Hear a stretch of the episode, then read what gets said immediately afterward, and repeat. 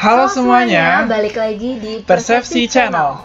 Kita Channel. ini akan membahas berita yang lagi hits, Mhm. namun dalam konteks negatif. Ya, dan ini cukup mencengangkan Iya. ya untuk kita, yaitu Ya. berita tentang Reinhard Sinaga yang didakwa Uh-uh.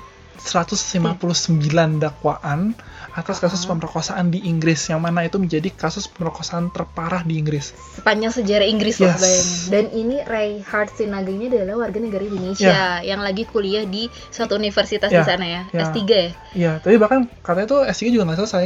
Oh, oke. Jadi, Jadi- dia sebenarnya nggak lagi ngejalanin kuliah Iya, sekarang. jadi Oh. emang eh ya Reinhardt ini dia memperkosa kalau misalkan yang sudah melaporkan tuh kayak 30-an gitu, 30 Iya, 40-an. ah, ah, ah. Tapi kalau misalkan di video HP-nya, jadi tuh dia setiap memerkosa ini selalu merekam di video eh, di Hmm, HP-nya. hmm. Yang mana itu tuh kayak jumlah korbannya sampai 200-an gitu. Ah, Oke, dan katanya si jumlah memori yang Hmm. untuk uh, menyimpan videonya itu sampai 3 tera. Oke. Karena ada yang 30 menit doang, Iya. ada yang doang. Maksudnya ada yang Iya, 30 menit, iya. ada yang sampai 6, 6 jam. jam. Karena ada yang berkali-kali juga ya nggak sekali betul. doang. Ah, serem juga. Nah, kamu sebagai laki-laki nih, first impression ketika dengar berita atau baca berita ini kayak Hmm. gimana? Apa pas aku kayak pertama kali Ah. tahu berita ini gitu, aku tuh kayak takut gitu loh. Nah, jadi insecure ya? Iya, karena kan korban laki-laki kan, oh iya. ya kan korban laki-laki. Iya, ha, ha. dan cara Reinhard Sinaga ini untuk Smooth membuat korbannya Iya, ya terperangkap itu tuh smooth banget karena ada orang korban lagi mabok terus ditawarin emang nggak beristirahat di tempat aku aja gitu Iya, dan itu pun sebenarnya bukan uh, stranger banget, maksudnya dia langsung ngobrol, du- Iya. ngajak ngobrol dulu kan, nggak yang tiba-tiba, ayo lu ke, ke apartemen gue gitu, eh gue, Hmm. Iya. emang di sana bahasanya gitu. sih Tapi maksudnya yang, ya dia tadi karena Iya. smooth itu, jadi dia deketin dulu, terus ngobrol kan, dan katanya memang first impression orang-orang si korban-korban ini terhadap uh, Reinhard ini Hmm. Dia bagus, orangnya Iya. ramah Betul, gitu, terus betul. jadi orang juga nggak nyangka nih kalau misalnya dia apa sih melakukan kejahatan Iya. gitu ya. makanya Gitu. dengan tadi yang dia dapat menampilkan diri dia terlihat ramah terusnya Hmm. dia dapat manipulasi orang lain gitu dan emang bahkan kalau misalkan di ya di interviewnya ataupun di observasi gitu ketika dia ketangkep melakukan Hmm. itu dia nggak ada rasa bersalah Iya katanya ya banyak yang Iya. bilang kalau misalnya ya udah dia pun bahkan nggak kelihatan nggak ngerasa bersalah nggak menyesal dan dia nggak mengakui Hmm. kesalahannya gitu bagi dia itu kan suka sama suka Iya, gitu iya. Terus katanya apa sih ya Kok- toh yang Hmm. tidur pun Hmm. itu karena untuk menemukan betul fantasinya aja betul jadi tadi karena dia emang bisa manipulasi orang terus eh, dan dia pinter dapat menampilkan dirinya baik dan dia dapat tidak merasakan rasa bersalah sedikit pun itu Mm-mm. makanya ada beberapa kayak ya mungkin ada psikolog ataupun orang yang concern Iya, di bidang psikologi atau kayak kejiwaan itu hmm. wah dia kayak mengidap antisocial personality nih gitu ya bukan mengidap kali ya mungkin memiliki tipe Hmm, kepribadian ya, temen- anti uh, personality nah tapi sebenarnya ada satu hal yang uh, cukup signifikan juga Hmm. untuk kita menyebut Hmm. antisosial karena katanya dia ini mengumpulkan jadi kalau orang yang antisosial atau psikopat ya Hmm, dalam hmm, istilah yang common Hmm, di sini hmm, hmm. biasanya ngumpulin sesuatu jadi korban-korbannya itu semakin banyak itu semakin buat dia bangga Iya. dan dia tuh jadi introvi entah misalnya eh, kalau korban mungkin ada bajunya yang dia kumpulin gitu nah kalau ini dalam Reinhard Sinaga ini dia katanya ngumpulin eh, kayak apa sih kartu nama Ah, eh iya. kartu KTP, mahasiswa ya, kartu iya iya, ha, iya. kartu mahasiswanya identitas lah kartu identitasnya dan dia kumpulin kartu-kartu korbannya Iya, itu iya. jadi semakin banyak tuh dia semakin Iya. bangga itu sebagai kayak trofi dia ah, kayak trofi buat dia. Nah, Hmm. itu biasanya yang mengindikasikan orang yang punya kepribadian Iya. antisosial. Nah, antisosial itu Hmm. anti singkatnya ya, Iya, woy. eh, karena panjang woi Karena iya benar, tapi panjang Hmm. penjelasannya. Jadi singkatnya itu sebenarnya eh, ciri-cirinya adalah dia yang eh, kekurangan empatinya kurang gitu. Jadi lebih ke egosentris. Hmm, hmm. Dia mikirin apa yang bisa memberikan benefit buat Dirinya. dia, dirinya gitu. Hmm.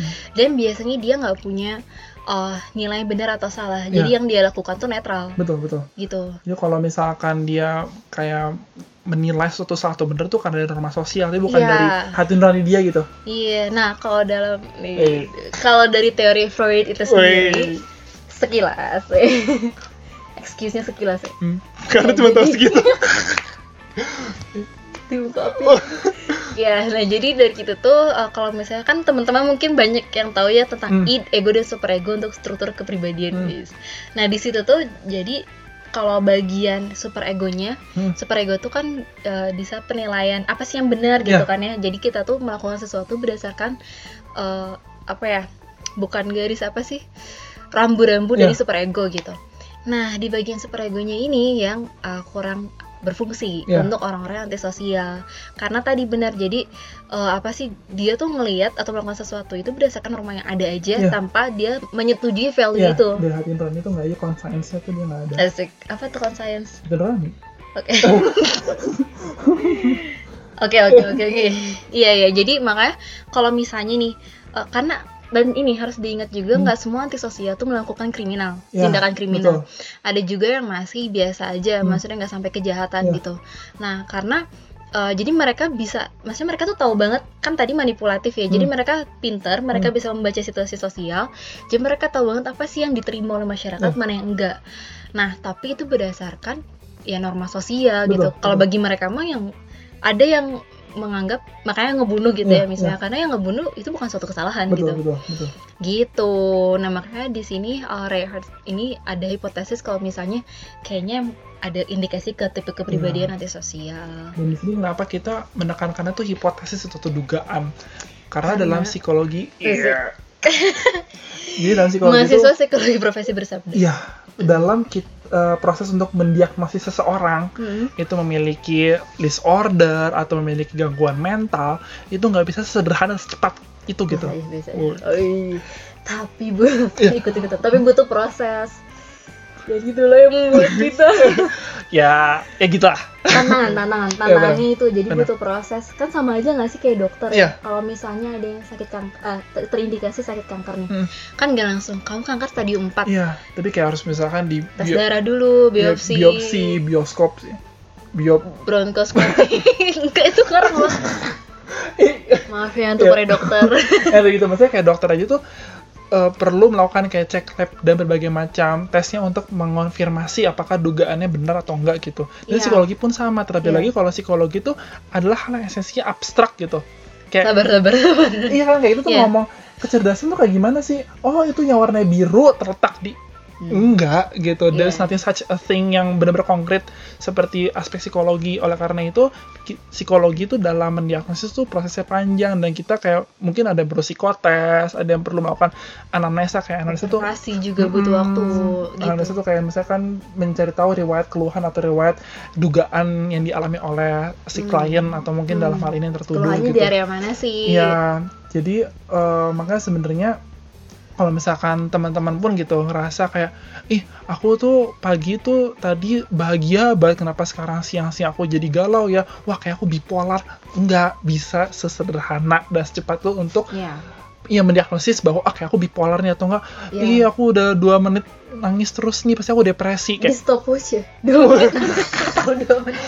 tapi Iya. iya sih maksudnya hah, aduh jadi lupa deh oh jadi ini berhubungan sama tadi ya kita pun sangat berhati-hati meskipun udah jelas misalnya ada kriminalnya Iya. ada ininya tapi perlu kita telusuri lagi untuk Iya. terkait Reinhard si Betul. naga ini kita kan nggak tahu ya gimana dia di keluarganya pola asuh keluarga seperti Iya, apa gitu gitu dan tadi yang psikologi juga eh, jadi teman-teman kalau misalnya bagi yang ke psikolog nih pernah Iya. ke psikolog terus kayak "Gi- lama banget sih kan aku pengen nemu solusinya Eh, gitu detik ini dong Wow. wow.